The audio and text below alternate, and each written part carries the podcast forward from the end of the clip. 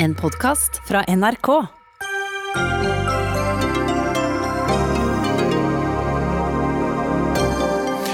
SV vil ha et statlig medisinselskap eller legemiddelselskap som produserer medisiner for oss, fremfor å importere dem fra utlandet. Det synes Høyre er en dårlig idé. Forlaget Oktobers brudd med en tidligere straffedømt romanforfatter skaper strid. Det bryter med klare prinsipper, sier advokat som kommer til Dagsnytt 18. Full bompengestrid mellom hovedstaden og storfylket Viken. MDG vil gjøre det dyre for bilister å kjøre ut og inn av Oslo for å finansiere kollektivtransport. Men det er ikke aktuelt, sier Arbeiderpartiet i Viken. Og det er uenighet innad i høyresiden om eiendomsskatt. Fremskrittspartiet vil hindre kommunene i å ta inn mer penger via et smutthull, som Høyre sier det er for vanskelig å tette.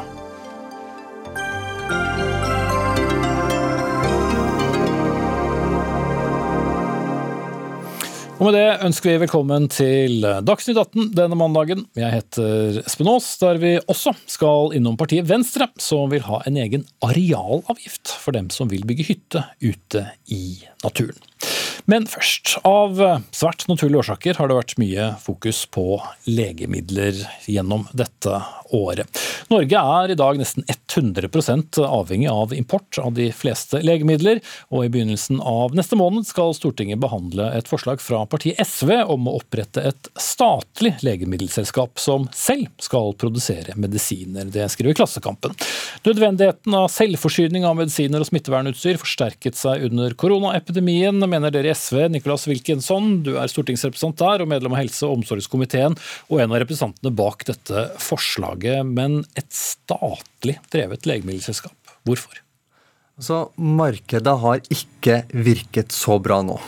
Eh, og det er viktig for pasientene at vi får medisinene vi trenger. Nå, altså, vi, har, vi, er så avhengig av uh, to land, det er Kina og India, som lager medisiner.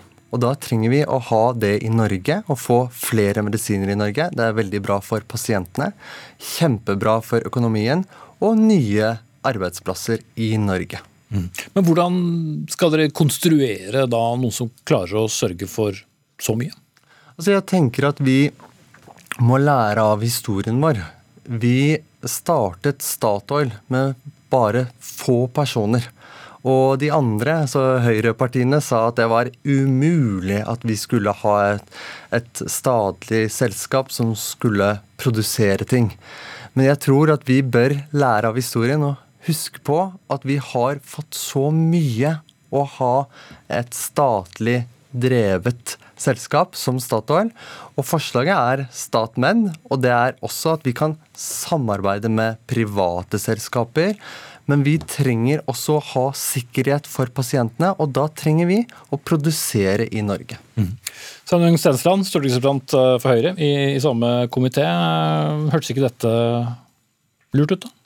Eh, Statoil er et selskap som er der for å utvinne olje, naturressursolje. naturressurs. Legemiddel, legemidler er så mangt. altså Norske leger eh, forskriver 1500 forskjellige substanser i form av flere tusen preparater. Så det er ganske mye som skal produseres hvis vi skal bli selvforsynt av legemidler. Jeg er tilhenger av økt eh, legemiddelproduksjon i Norge, og vi jobber for å få økt legemiddelproduksjon i Norge. Eh, jeg syns jo det er synd at vi ikke lenger har vaksineproduksjon i Norge. Det bør, vi få på plass. Det er mange sider ved dette som er positivt. Men det å lage et statlig produksjonsselskap som skal utvikle og produsere legemidler som et beredskapstiltak, det er ikke en god idé. Eh, fordi at vi må tenke annerledes. Hvorfor må vi tenke annerledes? som Wilkinson er inne på, så eh, er et av problemene at veldig mye av produksjonen av virkestoffene er flytta til Asia. Det er mest av alt fordi at eh, vestlige land har ikke vært villige til å betale det det koster for disse kopiproduktene. Prisen har gått ned, og mye av produksjonen har blitt flytta til Asia. Det er et europeisk problem. Det må vi løse sammen med andre europeiske land. Vi må flytte mer av virkestoffproduksjonen til Europa. Det er det fremste og viktigste vi kan gjøre. Og Så har vi noen utfordringer i Norge, bl.a. med antibiotika. Derfor så har jo Wilkinson og meg vært enige om at vi må få plass nordisk produksjon av antibiotika, som er et spesialtilfelle. Men det å tro at Norge skal bli selvforsynt av legemidler gjennom et statlig legemiddelselskap, det tror jeg ikke er veien i mål. Men vi skal bruke statlige virkemidler, og vi skal stimulere til mer produksjon i Norge, og det jobber vi med. Mm. Altså, vi har ikke foreslått at Norge skal lage alle medisinene i Norge, men vi vet at Nå er det i 2013. Da var det eh, under 100 saker med legemiddelmangler. Nå, i 2019, var det 1242 saker når Høyre styrer. Og Da tenker jeg at vi trenger nye tiltak. Dette tiltaket er viktig, for da får vi produsere Vi kan produsere viktige medisiner, ikke alle medisiner, men også nye arbeidsplasser i Norge. Det er viktig når oljealderen tar slutt. Og Vi har jo mye forskning eh, på legemidler og medisiner i Norge, så hvorfor kan ikke dette omsettes også i produksjon? Eh, Stensland? Jo, absolutt. Det er mange suksesshistorier i norsk legemiddelproduksjon, men det er gjerne nå de siste årene har vært nisjeprodukter innenfor kreftområdet. Vi har historien med Algeta, som er fantastiske suksesshistorier, og det skal vi fortsette med. Men igjen, eh, den utfordringen vi har med over 1000 mangelsituasjoner i Norge, som ikke alltid manifesterer seg helt ut i apotekhyllene, men er et problem i forsyningskjeden, det er et globalt problem. Det er mest av alt et europeisk problem, og det må vi løse i samråd med dem. Løsningen er ikke at alle land begynner med statlig produksjon. Løsningen er et bedre samarbeid for å få mer produksjon tilbake til vårt kontinent, sånn at vi har kortere forsyningslinjer. Ja, for Hvordan skal du sikre tilgangen da på, på, på de bestanddelene som, eh, som Sesland eh, peker på her? Og Det er i forslaget at vi må samarbeide med andre land også de private selskapene som, som er i Norge. Så da er vi avhengig av andre uansett, da? Eh, ja, men vi kan være litt mindre avhengig av det. For jeg tenker at dette forslaget er en start for å få mer produksjon i Norge. Og vi bør, altså, når vi får flere og flere og flere mangler for å få legemidler vi trenger, da tenker jeg at vi trenger også å få nye jobber i Norge, tjene penger å få medisinene som pasientene trenger i Norge. Mm. Monica Larsen, du er seniorrådgiver i legemiddelindustrien og representerer tolv selskaper som produserer legemidler i, i, Norge. Dere sier at dere i utgangspunktet har sans for forslaget til, til, SV, men tror dere ikke på et rent statlig selskap, en slags tredje vei i stedet. Forklare kort hva dere ser for dere, og hvorfor det er en bedre ja, Vi syns at det er et eh, veldig godt forslag å ha utnytte den produksjonskapasiteten eh, vi har i Norge. Og vi har også veldig mange gode forskningsselskaper som kan industrialisere og skalere og produsere i Norge. Og vi mener jo at en sterk helseindustri vil være det beste for eh, nasjonal beredskap på sikt. Og det vi kanskje Vi er delvis enig i, for vi mener gjerne at dette forslaget burde justeres litt. At det, vi tror ikke at staten er i stand til å drive med legemiddelproduksjon. Det må private gjøre? Det må private gjøre. Og det har vi prøvd før, eh, og det mislykkes. Så vi tror ja, så vi har prøvd eh, statlig produksjon, og ja, det mislykkes? Ja, på Folkehelsa bl.a. har vi produsert tidligere, og det, det initiativet ble lagt ned. Eh, men vi tror at et godt partnerskap med det offentlige og de private, som ivaretar liksom statens beredskapsbehov, og samtidig som man driver med en kommersiell drift som er basert på markedskonkurranse og, og mm. Men Hvordan skal det fungere, for det er jo til sjuende og sist staten som eh, finansierer Jo, man har jo veldig mange ordninger med insentivordninger i staten og igjen virkemidler for mange ting som kan finansiere noen prosjekter. så det, det det er eh, absolutt mulig å få til sånne løsninger. Så, og, og, Det handler jo også om å gå, inngå langsiktige avtaler med eksisterende produsenter om f.eks. å levere smertestillende eller Så vi vil være da mer selvforsynt, eh, slik du ser det? Vi kan være mer selvforsynt enn det vi er i dag. Mm. Ja, Stensland, en... En, en del av forslaget til SV er jo noe som allerede er innført, nemlig å sette i gang og kjøpe inn råstoff som en har på lager, beredskapslagring. Eh, hvis en leser statsbudsjettet, så er det satt av over en milliard kroner neste år til å kjøpe inn bl.a. råstoffer til den type mm. det, det Men, men middelveien til legemiddelindustrien, er det mer spiselig? ja, Middelveien til legemiddelindustrien er jo mye det jeg forfekter, nemlig å bygge videre på den industrien vi har. Vi har hatt Eh, vi har hatt veldig store produsenter av legemidler i Norge. Vi har fortsatt noen store igjen. Verdens største produsent av kalktabletter eh, lå inntil nylig i Norge. Eh, vi er giganter innenfor røntgenkontrastmidler. Og det er det som vil kjennetegne en norsk industri, at vi blir veldig gode på noe, men vi kan ikke dekke alt. Og når vi da skal forsyne et bredt sortiment, som altså norske leger bruker flere tusen forskjellige medikamenter, 1500 substanser de bruker som er i markedsført i Norge, det klarer vi ikke. Og jeg tror da ikke løsningen videre er å bygge opp et nytt statlig selskap. Jeg tror det er heller å bygge videre på den industrien vi har. Mm. Ja, eh, Monica Larsen, eh, Hva kunne vi bygget ut med ytterligere, da, ut fra det vi har snakket om nå som vi gjør i dag? Er det andre områder som, som Norge kunne produsert mer av? Ja, jeg tenker at Norge må ha flere tanker i hodet for å bygge opp beredskap og sikre befolkningen legemidler. Det handler om at vi kan ikke produsere alt, så vi må kjøpe inn noen legemidler, essensielle legemidler å ha på lager. Det er som Stensland her sier, at eh, vi må kjøpe inn råvarer og utnytte eksisterende produksjonskapasitet som kan produsere når det er behov for det. Og så må vi investere i ny produksjonskapasitet hvor vi kan være konkurransedyktige. F.eks. innenfor vaksiner og vaksineteknologi, som er liksom basert på morgendagens teknologiske løsninger, og hvor Norge kan på en måte vinne fram eh, globalt i internasjonale markeder. Mm. Er dere nær hverandre, Wilkinson? Ja, vi er litt enige om det nå. Eh, men det er eh, Vi har et problem som vi ikke har snakket om, og det er generiske medisiner. Det er, som er, de er av patenten.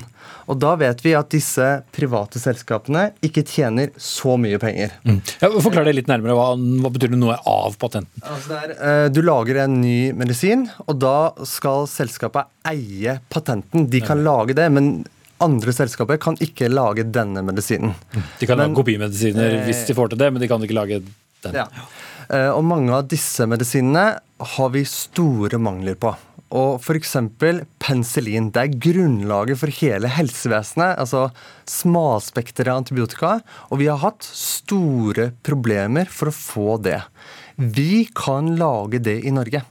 Og da vet vi at mange av de private selskapene ikke tjener så mye penger for å lage det. F.eks. De, de jobber for å lage nye antibiotika som er mye sterkere. Og da er det bra at vi, altså staten, også kan ta noe av risikoen for å lage disse eh, generiske medisinene, som er så viktige for mange tusener av folk i Norge. Mm, sånn. Ja, Det gjelder antibiotika, som jo er et spesialtilfelle, nærmest. fordi at eh, veldig ofte så er nye antibiotika allerede resistens mot det det kommer i markedet. Der har jo eh, Stortinget nå sagt at en ønsker å ha en system for risiko, risikoreduksjon for produsentene. Så, så, og det er jo, Jeg, jeg tok til ord for en slags eh, leterefusjonsordning for en måneds tid siden, nettopp fordi å få fart på det. Men uh, generelt så er en av utfordringene med, med patentregimet er at uh, nye, nye, legemidler blir veldig kostbare, noe som preger den delen av legemiddeldebatten. Og så blir legemidler som går av patent, ganske rimelige i en global målestokk, og da er et lite marked som Norge litt sårbart. Og Der er det jeg mener at vi må flytte mer av den virkestoffproduksjonen til Europa, sånn at vi er nærmere, og i tillegg kanskje være villige til å betale mer for de stoffene det gjelder. Høres ikke ut som, ja, det høres ikke ut som dere er eh, fryktelig uenige om alt. Åpenbart eh, litt om, om konstruksjonen, men uh, hva er det vi elsker å si i Dagsnytt 18? Da har i hvert fall tatt debatten. Takk til Nicolas Wilkinson fra SV, Sveinung Stensland fra Høyre og Monica Larsen fra legemiddelindustrien, der du er seniorrådgiver.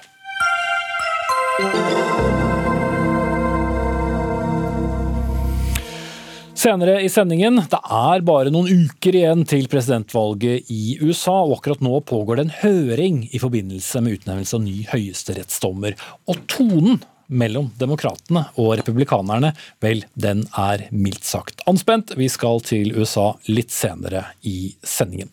Men nå skal vi til eh, hjemlige trakter og til kulturverdenen, for det har kommet en del reaksjoner etter at Oktober eh, forlag i slutten av forrige uke avsluttet samarbeidet med forfatteren Per Marius Weidner Olsen.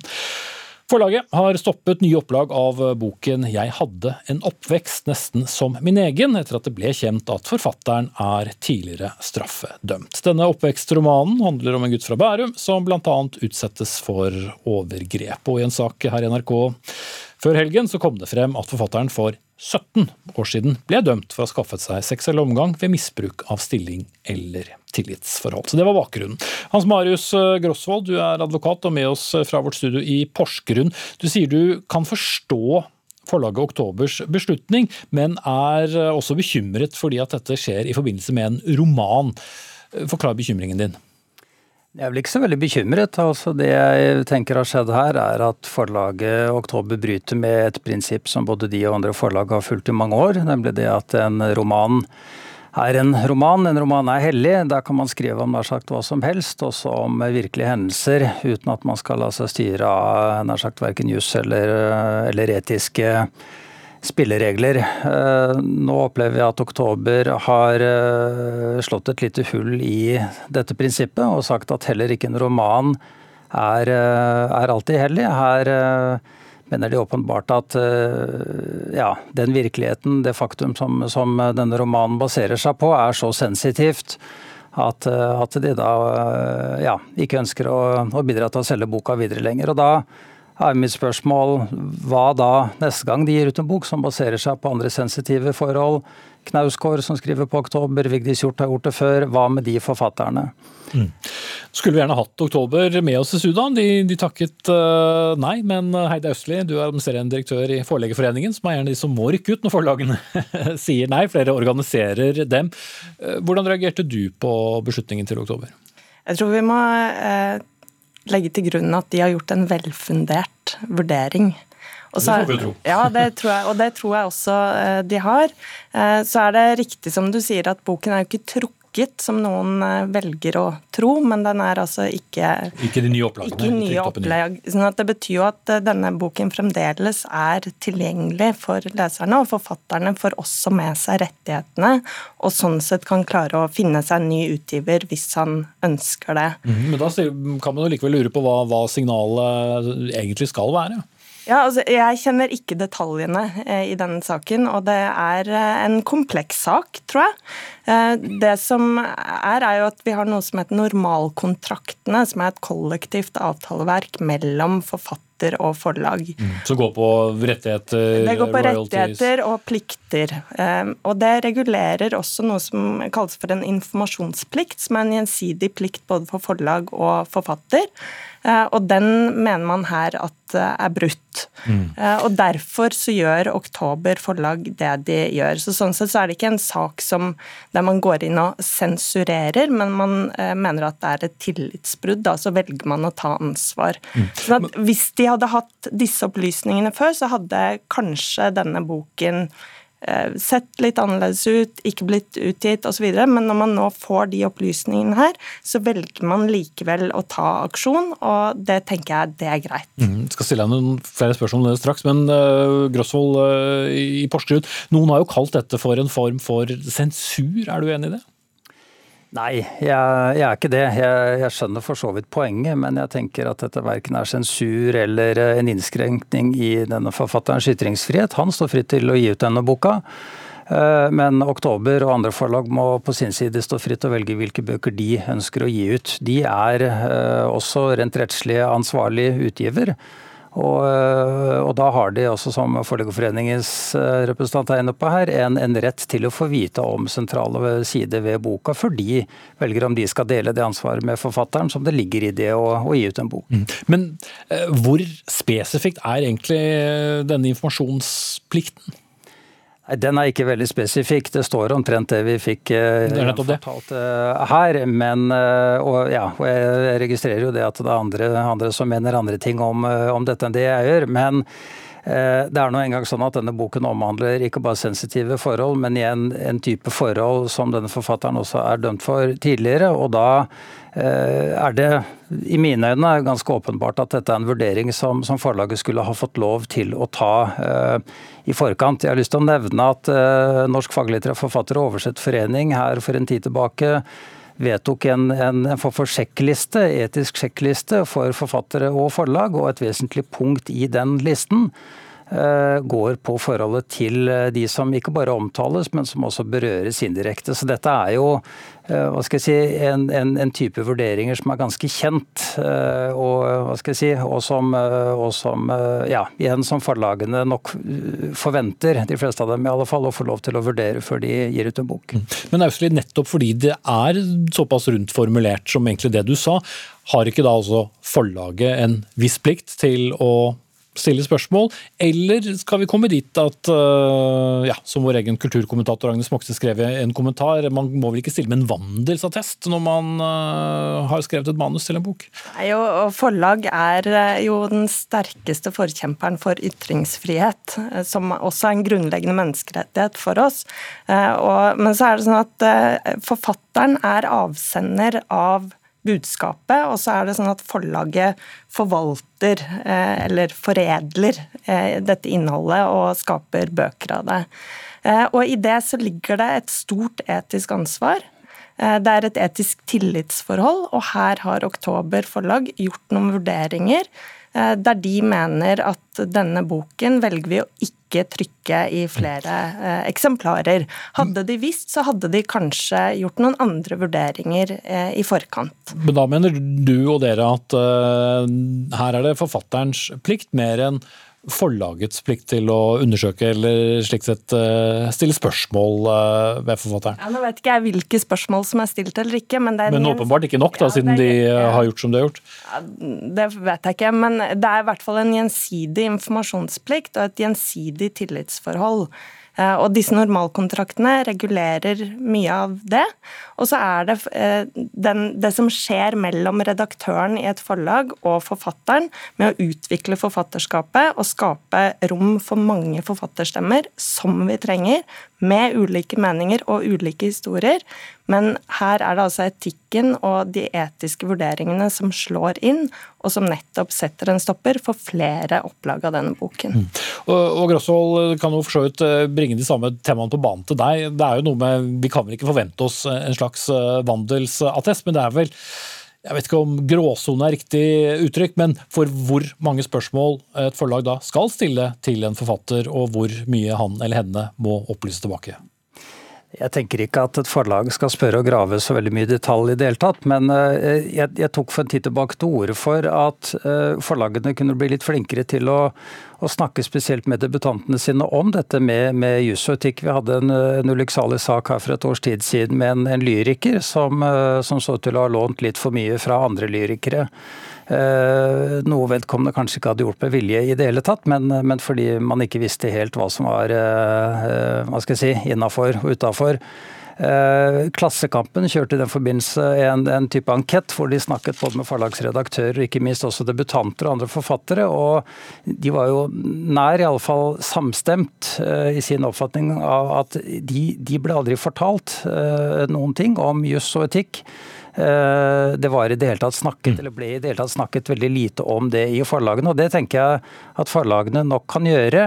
Ikke i detalj, ikke for å kryssforhøre nye forfattere, men eh, fortelle dem litt overordna. Ta dem til seg en halvtimes tid, fortelle litt om jus og etikk og hvilke spilleregler som, som, gjelder. Og på den måten kanskje heller legge opp til refleksjon eh, fra forfatterne. Mm. Kort til det til slutt, Ausli tenker du er inne på noe veldig veldig vesentlig. Altså Det å bygge opp forfatterskap, det eh, er eh, viktig at forlagene tar seriøst. Jeg mener at forlagene tar etikken eh, seriøst.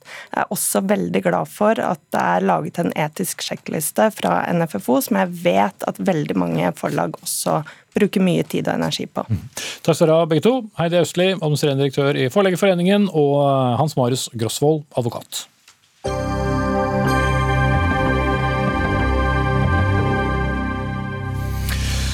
Vi skal eh, videre til en eh, noe komplisert eh, samferdselssak på det sentrale Østlandet, som henter opp noen prinsipper som kan være viktige og interessante også mange andre steder i landet.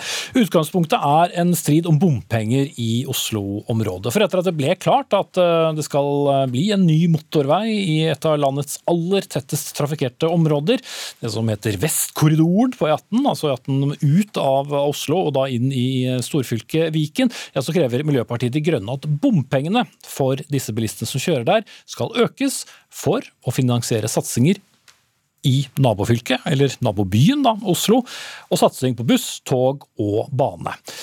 Men eh, det sier flertallet av fylkespolitikerne i Viken nei til nå. Og um, Samferdselsbyråden i Oslo, Lan Marie Berg, sier til Dagsavisen i dag at det er uansvarlig å skyve det hele foran seg. Og For å bli litt klokere på det hele, Sirin Stav, du er gruppeleder da for Miljøpartiet De Grønne og leder for Samferdsels- og miljøutvalget i Oslo bystyre. Hvorfor er det uansvarlig å ikke umiddelbart da dytte en bompengeregning over på, på bilister for å finansiere noe som ikke engang er i deres eget fylke? Jo, det er det tre grunner til. Eh, for hvis vi ikke øker bomsatsene nå, så får vi ikke kuttet eh, kollektivprisene, som eh, vi i MDG ønsker. I dag finansierer jo bompengeinntektene i stor grad kollektivtilbudet. Om vi ønsker å kutte kollektivprisene, så er vi nødt til å øke bompengene. Vi får ikke bygget ut kollektivtilbudet Eh, og det er ikke bare i Oslo, det er også i Viken. Eh, det er hele Oslo-regionen. Og kollektivprosjektene går litt på tvers. og det, det som investeres i Oslo... Også fordi man bruker det samme kollektivselskapet ja, som gjør det litt uh, vanskelig? Ja. ja, så kollektivinvesteringene er vi avhengige av, For å få gjort det, så er vi avhengig av å øke bompengetakstene. Bl.a. ny sentrumstunnel, som vil øke uh, alle avgangene på T-banene over hele byen, uh, også ut av Oslo. Og og ny Majorstua stasjon, som er eh, helt nødvendig for at Fornebubanen skal fungere. Mm. Men, men det pikante her Og det siste, ja. det siste poenget er jo klima eh, og utslipp. For hvis vi ikke øker bompengetakstene, så er alle faglige råd helt krystallklare på Eh, at bompengeavgiftene de er det viktigste virkemidlet for å redusere utslipp og nå trafikkmålene våre om trafikkreduksjon. Mm. Men igjen, jeg skulle si det pikante her er jo egentlig at du ber jo om at det skal bli dyrere for bilistene som mm. ikke bor i Oslo, eller DIM også, da, men også for mange som ikke bor i hovedstaden. Men kollektivtrafikken i hovedstaden skal bli billigere. Og, og Tonje Brenna, du er fylkesrådsleder da i, i storfylket Viken. Ikke bare i hovedstaden, men i Oslo og Viken. Området, ja. Men er dere uansvarlig når dere ikke gjør disse tingene, eller er dere greiere mot egne velgere? Nei, altså Oslopakke 3 har jo et handlingsprogram som betyr det vi bruker pengene på, og de pengene vi tar inn, som ble vedtatt i våres. Så det er ikke noe uansvarlig, dette. Det sånn Oslopakke 3 da, for alle dere i resten av landet er da navnet på en uhyre komplisert eh, konstruksjon hvor eh, det var uenighet både mellom storting og lokalpolitikere om hvordan disse enormt dyre prosjektene skulle finansieres. Så kommer den E18-utbyggingen som du først har sagt nei til, kom litt ut av det blå, og så ja. Ja, Den kommer ikke helt ut av det blå for den har jo ligget der i et par-tre ja. tiår. Det jeg eh, bare vil starte med å si, er jo at om E18 går til Oslo eller fra Oslo, avhenger jo litt av hvor du står. Eh, og jeg skjønner at eh, Oslo har et ønske om å regulere trafikken i sin by, men det må også Oslo gjerne gjøre. Og hvis Oslo vil senke kollektivprisen i Oslo, så kan Oslo gjøre det. Det er bare å bevilge pengene, så gjør man det. Det Oslo forlanger av Viken nå, da, med dette utspillet, det er jo å si at vi skal møte Oslo for å øke bompengene for folk i Viken, og også delvis i Oslo, som må kjøre bil f.eks. Mm. til og fra jobb. Det er flere som pendler inn til Oslo for jobb, enn jo, folk som bare, flytter ut. Eh, ja. det er det ene. Og det andre er jf. dagens smittesituasjon. I dag sier fylkesmannen i Oslo Viken at hun eh, anbefaler at man ikke reiser kollektivt inn til byen. Så sånn som situasjonen er i dag, så tror jeg vi skal være glad for at noen velger å kjøre bil. Og så tror jeg jo at eh, MDG også må tenke seg om når man på den ene side skal reforhandle en avtale, plukke ut elementer av den man ikke liker. La oss ordne det for egen maskin, og så komme tilbake og ville ha på en måte utgangspunktet. Det er jo ikke helt sånn vi jobber i disse men, men, forhandlingene. Men er det vanskeligste da for dere som er politikere i dette uh, Viken, også Østfold, Akershus uh, og, og Buskerud, å sende den regningen til deres egne innbyggere? Er det hovedproblemet, eller mener du det er feil å finansiere da eh, billigere kollektivtransport, som også jo vil gagne eh, dine velgere og dine innbyggere? Altså jeg mener at Man skal tenke seg veldig nøye om før man øker bompengene så dramatisk som vi vet at MDG ønsker. Og eh, En så dramatisk bompengeøkning i dagens situasjon, med korona, med arbeidsledighet, med veldig få muligheter til å ha en sånn sosial profil på de bompengene, eh, mener jeg er veldig krevende. I tillegg til at jeg er for at man investerer mer i kollektivtrafikk, jeg er for at man senker prisene. Men bare for å ta Oslo-brillene litt av her og minne om hvordan resten av Østlandet ser ut. De aller fleste steder i Viken går jo folk og lurer på om det en dag kommer en bussrute som kan ta de til og fra jobb.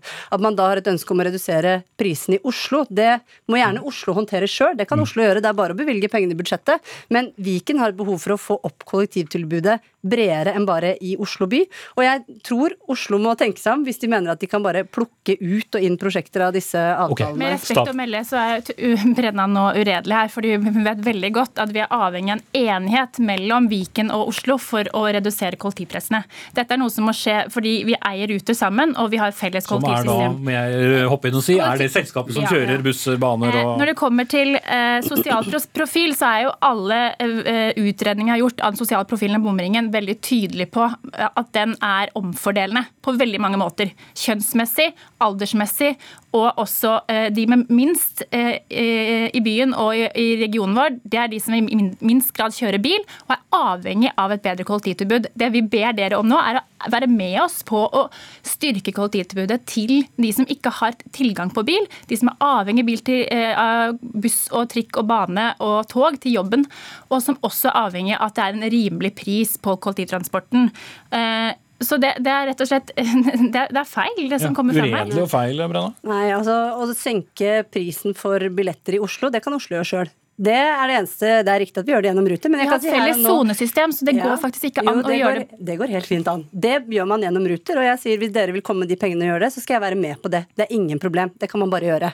Det andre er å si at det at uh, man vil redusere prisene, og, og, det som Oslo ofte tar til orde for, er jo f.eks. å redusere billettprisen på enkeltbilletter i Oslo.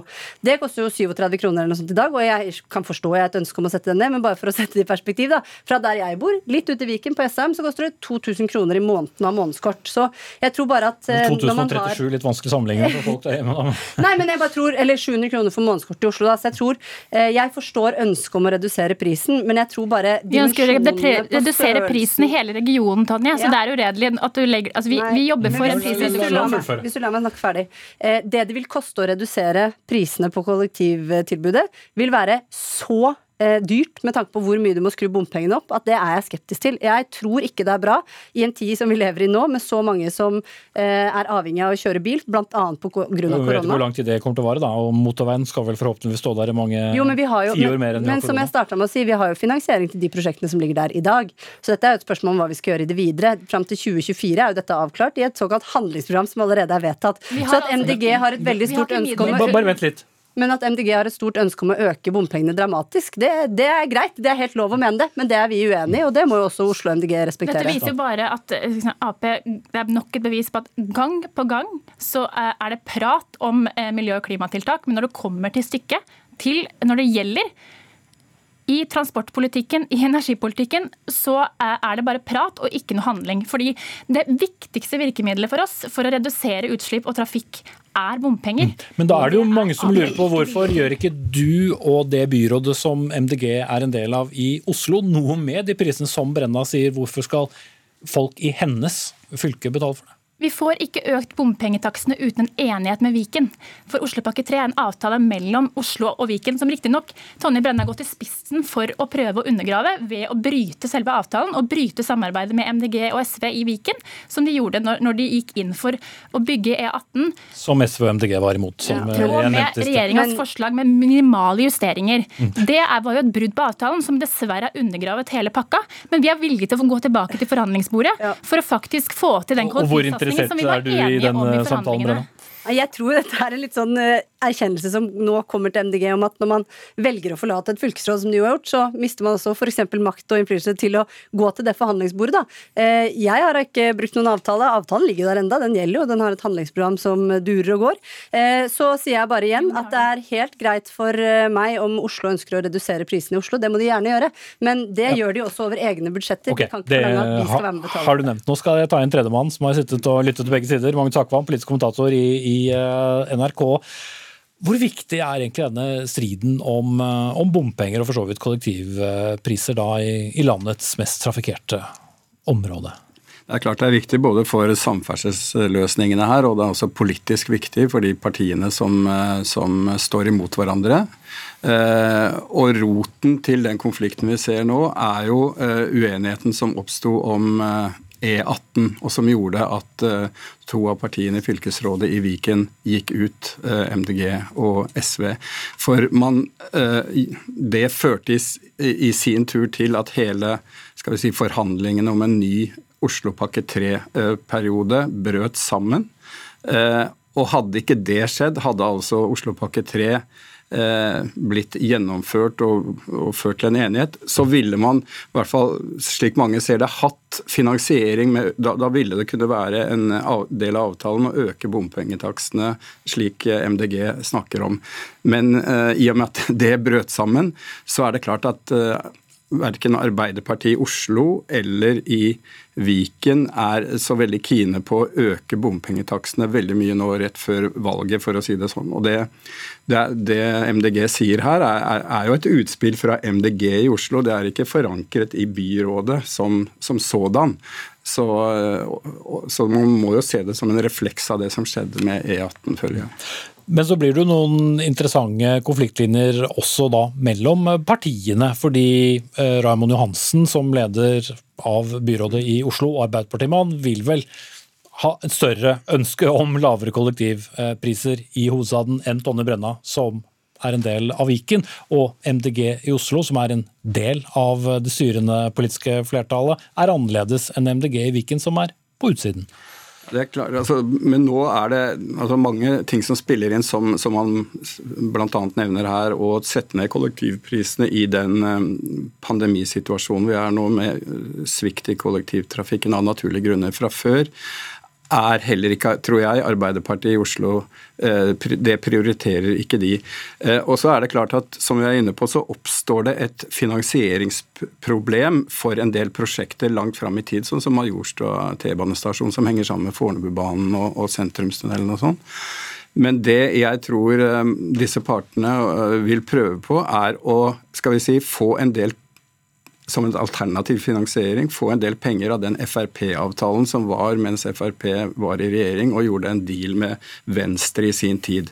Eh, for den kan utløse eh, en del penger på, på kort sikt i denne byutviklingspakken, som forutsetter at man ikke øker bompengetakstene. Så det er, det er, i hvert fall det svaret jeg får når jeg spør hvor skal de da hente penger fra.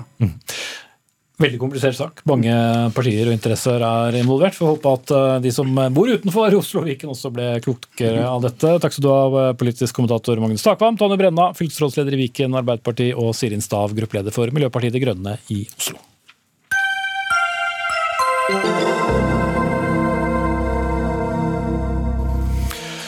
Til eh, tross for at eh, regjeringen kutter i eh, eiendomsskatten i forslaget til neste års statsbudsjett, så kan huseiere likevel ende opp med å betale mer.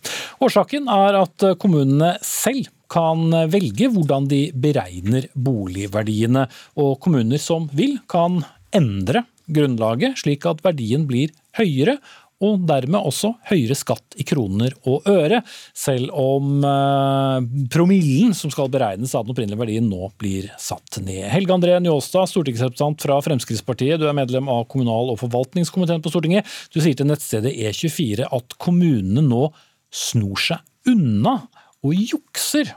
Hvordan da?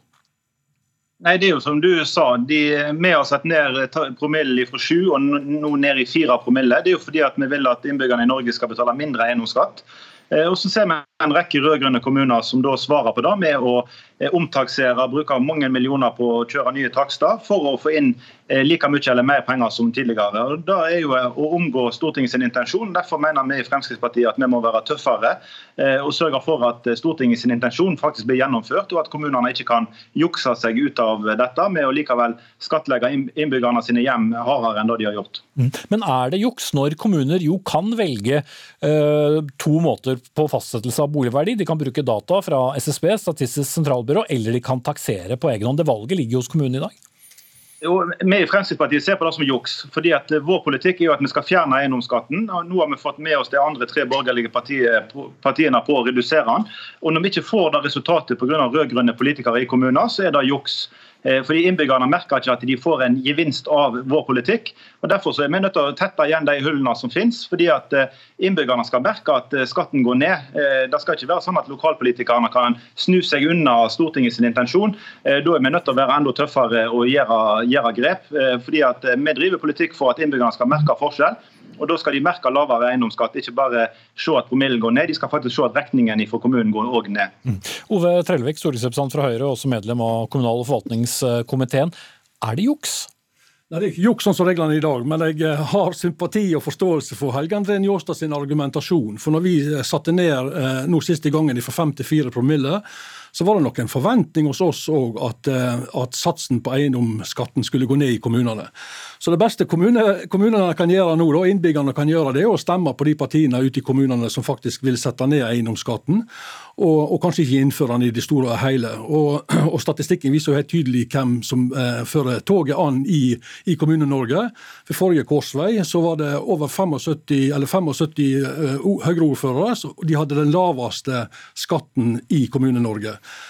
Deretter kom Senterpartiet, de var 50% dyrere, mer eiendomsskatt. Og Arbeiderpartiet også toppa det hele med dobbelt så mye eiendomsskatt på, som, på innbyggerne i kommunene som, som, Høyre. Men poenget er de kan velge dette ut fra uh, det de det skaffer flertall for ja. i egne kommuner. Og det er det i utgangspunktet da innbyggerne som uh, har, har, stemt den inn. Så staten eller regjeringen kan ikke gå inn og stoppe dette? Nei, og det, jeg, det syns jeg ikke er rett heller. At vi skal sitte på Stortinget og bestemme verdien på eiendommene langs kysten vår i Innlandet, det har ikke vi forutsetninger for.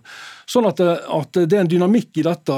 Noen kommuner er det fraflyttingskommuner, og der skal kanskje taksten ned. og Andre kommuner opplever kanskje press og, og at verdiene faktisk øker på boligene. Så det må være en dynamikk i dette. og Derfor skal eh, kommunene retaksere med jevne mellomrom. Men hvis argumentasjonen er at vi setter ned på Stortinget fra 5 til 4 promille, og så begynner de å retaksere for å ta inn igjen de pengene, så har jeg forståelse for at man føler seg litt snurt i, i denne sammenhengen. her. Mm. Men sånn er det, Njåstad. Det er ikke noe dere kan gjøre noe med med dette smutthullet? Jo. Jo da, det er jo noe å gjøre med. og Vi foreslo da, når vi satt i regjering i lag, så Høyre må jo huske på hva de selv har vært med på. Da var de med på å fremme et forslag om at eh, kommunene må følge SSB-metoden for å, å, regne verdien. Eh, dessverre så satt da KrF ut av regjering og torpederte det i Stortinget, sånn at det ble ikke gjennomført. Så Høyre og Frp har jo i regjering ment at det her er lag sjøl.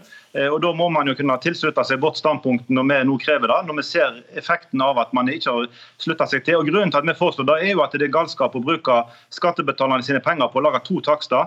Staten har én takst som man bruker i, i forhold til formuesskatten og eh, skatteetaten. Og så skal kommunene lage sin egen takst ved siden av det, bruke mange millioner på det. Det er jo tull å bruke skattebetalerne sine penger på to takster på samme eiendom.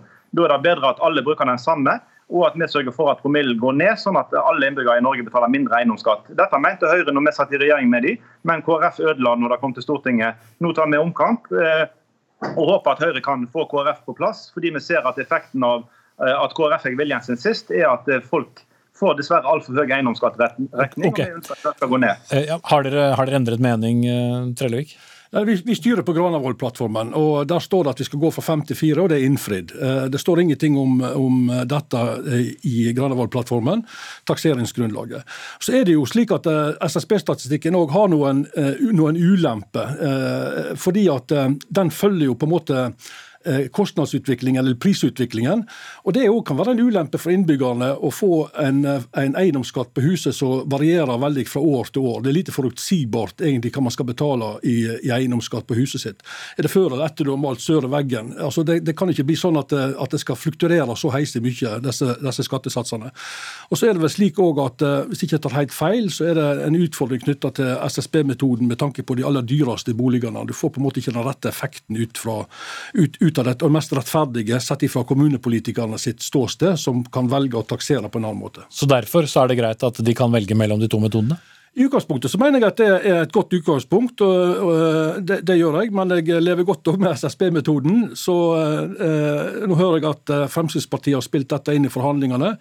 Eh, så får vi se hvordan de håndterer dette i finanskomiteen når de skal begynne å diskutere det. Mm, men bare for å gjenta at det Utgangspunktet ditt er at du, du, vil at det skal være som det er, selv om du ser uheldige sider med det. Men det handler om ikke å overkjøre lokaldemokrati? Det handler for meg om ikke å overkjøre lokaldemokratiet. At de har litt forutsigbarhet i måten de håndterer dette på. Men jeg har sympati og forståelse for argumentasjonen. Eh, men jeg tenker som så at her må, må innbyggerne og velgerne eh, gjøre gode valg når de skal sette sammen sine kommunestyrer. Vi på Stortinget klarer ikke å håndtere alle utfordringer de måtte ha. Mm. Men du er mer eh, kritisk du da, Njåstad, til kommunalt selvstyre? Ja, Fremskrittspartiet er på lag med innbyggerne og huseierne mer enn på lag med kommunestyrene og lokalt selvstyre i denne saken. Så Det er jo en forskjell på oss og Høyre. og Når Høyre appellerer til å velge riktig i, i kommunepolitikken, så får jo jeg appellere til å velge riktig i rikspolitikken. og Da er det jo tydelig at Frp er mer på huseiernes side enn en Høyre som fremhever lokalt selvstyre mer enn at eh, eiendomsskatteregningen til innbyggerne skal bli lavere. Men vi har blitt enige med Høyre før, og vi blir helt sikkert enige med Høyre igjen. Eh, det er jo tydelig at de var på et bedre spor når vi satt i regjering med dem, for da var de enige med oss i dette spørsmålet. Eh, nå høres det ut som KrF har fått for stor innflytelse på dem, så vi må eh, få dem på rett kurs igjen. Men eh, det er jo folk i kommuner og byer som også har valgt sine lokalpolitikere, og vel sikkert også har en anelse om hvor de partiene stemmer på står i spørsmålet om eiendomsskatt? Ja da, men så ser vi jo nå er jeg på besøk i Alver kommune, og der har lokalpolitikerne for de rød-grønne sagt at de ikke skal innføre eiendomsskatt. Men eh, rådmannen har foreslått 20 millioner i eiendomsskatt til neste år. Så eh, hvor enn vi reiser, så ser vi at rød-grønne politikere, rådmenn, foreslår eiendomsskatt og har ingen eh, skrupler med å sende regningen til innbyggerne. Så kampen om eiendomsskatt står både lokalt og sentralt. Og Fremskrittspartiet har alltid vært det partiet som er mest opptatt av huseierne og vanlige folk sin lommebok når det kommer til disse spørsmålene. Ok, Da fikk du gjentatt det. Da setter vi strek. Hege ikke Hege, men Helge. André Njåstad eh, fra Fremskrittspartiet og Ove Trellevik fra Høyre. Hør Dagsnytt 18 når du vil. Radio NRK Radio.nrk.no.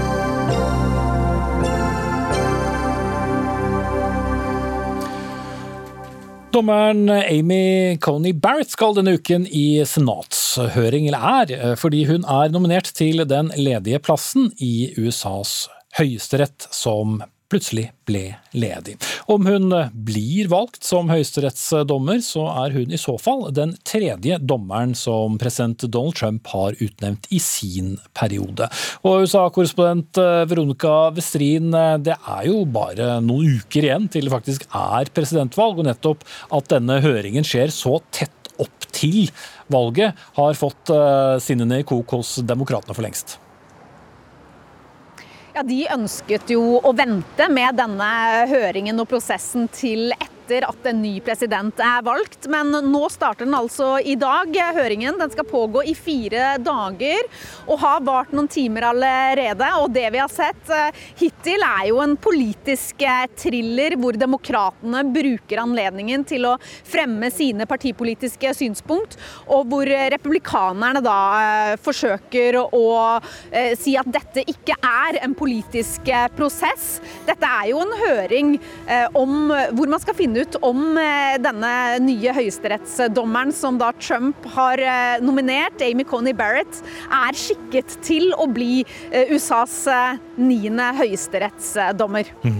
Og de to partiene er da veldig opptatt av, eller demokratene er da veldig opptatt av å, å gjøre henne da til, til en, en, republikaner, og si det at dette da er i Donald Trumps interesse. Hva, hva sier hun selv om det hele? Du, hun har ennå ikke snakka. Nå har hver senator ti minutter hver til å holde sine åpningsinnlegg. Men det de sier De trekker jo fram flere ting. Det er bl.a. én ting de kjører på, og det er Obamacare, eller Affordable Care Act, som er den første store reformen som skal opp for Høyesterett allerede en uke etter det amerikanske valget, 10.11. Og de bruker jo denne anledningen til å trekke trekke fram enkeltpersoner, hvordan de vil rammes av en endring av dette lovverket. Lovverket de mener at mange millioner av amerikanere kan komme til å miste sine rettigheter, f.eks. da knytta til retten til offentlige helseforsikringer, og det at hvis du har preeksisterende sykdommer, da, ehm, så mener de at det vil bli dyrere å få forsikring og vanskeligere å få forsikring. Dette har vært en rettighet som er vært sikra gjennom denne Affordable Care Act, men republikanerne på sin side eh, er jo mot den loven. Trump selv har sagt han ønsker å bli kvitt den, og eh, mener at den gjør det dyrere for folk flest. Men til sjuende og sist handler jo dette om, eh, om dommere og om, om juss, og kanskje for dommerne i, i mindre grad partipolitikk. Men dette får stor oppmerksomhet i USA, Veronica Westrin. Ja, Det er jo nettopp fordi dommerne her tar stilling til høyst politiske spørsmål når de tolker lovene. Og vi ser jo her mange har tatt turen hit i dag for å demonstrere og vise enten sin støtte støtte eller sin motstand mot denne utnevnelsen av Amy Coney Barrett. Og det er jo da særlig abortspørsmålet her. Eh, så er det mange tilhengere av abort som har møtt opp. De marsjerte her tidligere i dag. Noen står her fortsatt. Men også mange pro life-tilhengere, altså dem som er motstandere av abort, er engasjerte. De er glade for at det nå kommer en dommer inn i Høyesterett som har eh, uttalt at hun også er motstander av abort. Mm. Nå er det høring eh, til slutt, eh, Veronica. Hvis den da holder sin tidsplan, det er tre uker og én dag igjen til valget, vil de rekke å utnevne henne før amerikanerne går til valgurnen? Absolutt. Det er lite demokratene nå kan gjøre for å stoppe dette. Høringen skal vare i fire dager, og så har de sagt at den skal stemmes over innen 26.10. Så, så sant ikke flere replikanere kommer til å ligge rett ut med korona, så er det ingenting som tilsier at ikke Amy Coney Barrett blir utnevnt før det velges en ny president her. Takk skal du ha, Veronica Westrin.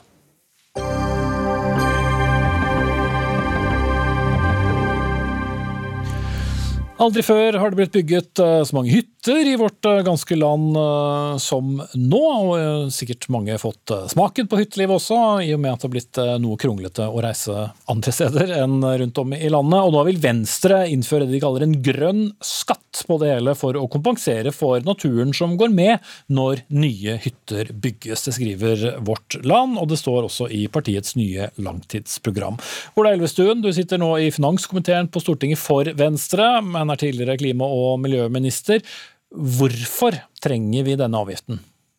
Det er fordi at vi må ta bedre vare på natur. Vi bygger ned for mye natur også i Norge. og dette gjelder ikke, Men naturavgift gjelder ikke bare for hytter. Vi mener at dette trenger vi for eh, all nedbygging av natur, enten det er infrastruktur, det er næringsarealer, det er parkeringsplasser. Så trenger vi å prissette også den verdien natur har, sånn at man velger eh, både å ikke bygge ned, eller at man også blir mer arealeffektiv enn det man er i dag. Men hvordan skal dette utformes, eh, Elvestuen? Hvordan skal vi sette pris på, på naturen i, i, kroner og øre, og ikke i opplevelse?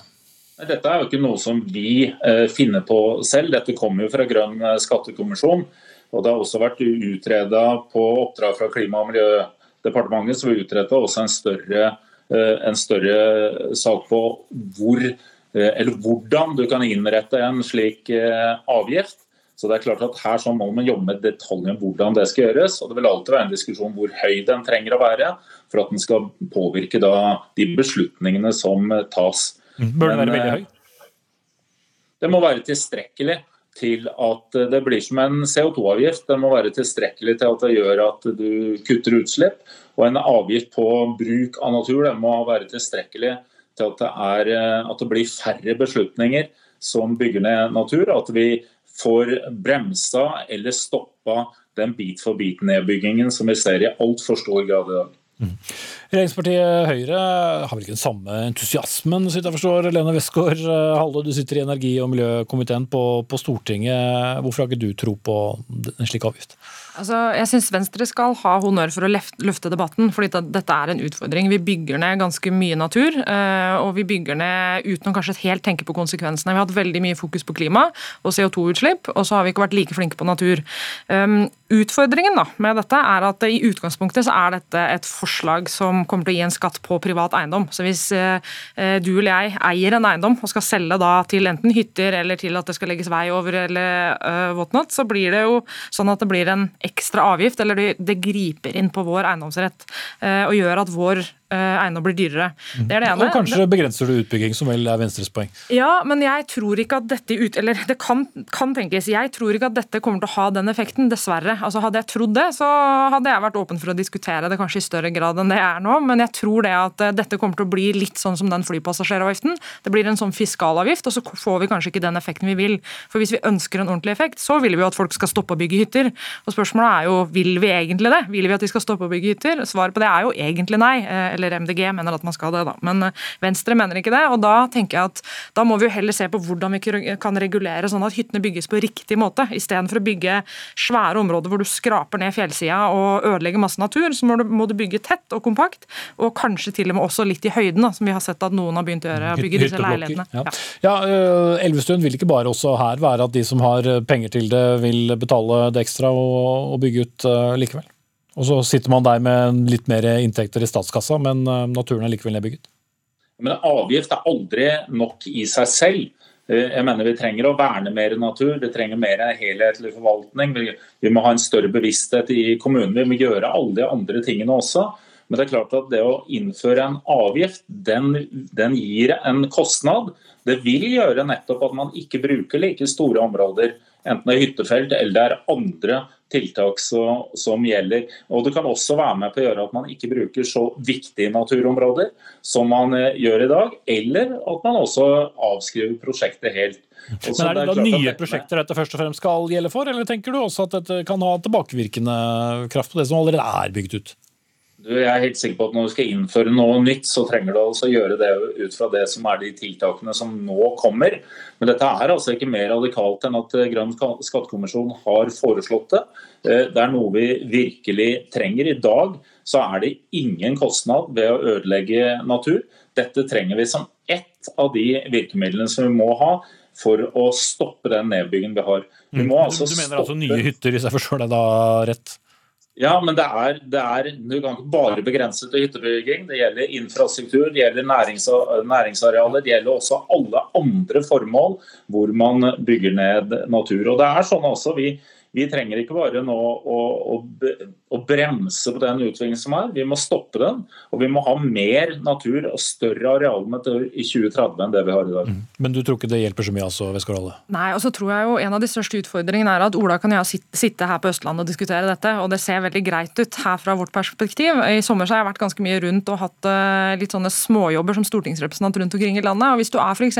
på Harøy da, i Møre og Romsdal, som jeg besøkte for et par uker siden, hvis du legger en sånn avgift på et lite øysamfunn med 1200 innbyggere, så legger du ned det øysamfunnet. Og Det er det som er den store utfordringen. For dette kan kanskje funke på Hafjell, eller det kan funke på Sjusjøen eh, eller på Blefjell, men i resten av landet så tror jeg dette egentlig blir en distriktsavgift som kommer til å være veldig utfordrende for distriktene rundt omkring i Norge å stå i. Mm. Så da er svaret heller å gjøre det litt mer krøkkete eller byråkratisk og vanskeligere å ha flere kriterier som må innfris da, for, å kunne bygge ut urørte natur, enten det er en hytte eller en parkeringsplass eller hva det måtte Ja, vi ser jo mange kommuner er jo gode på dette. Det varierer jo veldig. Noen kommuner leverer jo virkelig ikke, og der har vi jo et behov for å gjøre noe. Og så er det andre kommuner som virkelig er på ballen, som ikke bygger på Snaufjellet, som bygger grøntkorridorer, og som bygger hytter tett, og som har en sånn knutepunkt. De forskjellene forteller ikke det nettopp at uh, Elvestuen har rett, og at uh, det må kraftigere lut til som skal det gjelde for alle? Ja, jeg tror det, Vi er nødt til å gjøre noe, det må vi. Men jeg tror ikke dette er løsningen. En avgift er litt sånn, det er en litt sånn enkel måte å tenke på. Eh, og jeg tror vi er nødt til å tenke litt mer helhetlig enn det, og tenke litt mer sammensatt. Og få til ting på en litt annen måte. Da. Så tror jeg jo også at man i mye større grad er nødt til å bruke gulrot enn pisk. fordi det er veldig attraktivt å bruke pisk. Og for oss stortingsrepresentanter er det fint å gjøre noe som gjør at vi får penger i statskassa. Men jeg tror vi er nødt til å tenke litt mer lokalt og være litt mer obs på at dette ser veldig forskjellig ut avhengig av hvor i Norge du er. Ja, Utfordringen Elvestuen, med da, eh, de store forskjellene i, i kommunene, og at dette sikkert vil ha en god nytte i, i eh, områder og kommuner hvor det er mye hytteutbygging og lite natur igjen, mens det vil slå veldig dårlig ut for, eh, for helt andre typer kommuner? Nei, det vil jo være Prissettingen også vil jo være forskjellig på de ulike stedene. Men vi trenger altså å gjøre mye mer for å ta vare på natur enn det Høyre er villig til å gjøre. Og Det å ha en naturavgift er ett slikt virkemiddel for å få det til. Akkurat som det var stor motstand mot CO2-avgiften også før den ble innført, så er den noe, noe, som alle nå er enige om at er det, er det et effektivt virkemiddel, og det mest effektive virkemiddelet for å få ned klimagassutslippene. Men du kan tenke deg å kombinere det med det Westgård Halle sier, også å være strengere og gjøre det vanskeligere å, å få bygge ut ut fra Eh, ja, det er det jeg sier. Du må verne mer eh, natur. Vi må ha mye bedre helhetlig forvaltning. Vi må være villige fra statens side til nei til utbygging hvor det går utover nasjonale interesser. Vi må ha mer bevisste lokale politikere som ser verdien i å ivareta den naturen som vi har. Og vi må slutte å sløse med arealer som vi gjør i Norge. Mm. Men naturavgift er ett viktig virkemiddel. Eh, Grønn skattekommisjon har foreslått det. Okay. Det er på tide at vi konkretiserer. Det er herved nevnt nok en gang, men selv om dere er enige om mye, så sier i hvert fall dere i Høyre hyttetu til den avgiften. Lene Westgård Halle, takk skal du ha, og også Ola Elvestuen. Vi er ved veis ende, vi. Anne Katrine Førli var ansvarlig for sendingen. Tekniske ansvaret hadde Ida Larald Brenna. Jeg heter Espen Aas, og vi spanderer ny sending i morgen. Takk for nå.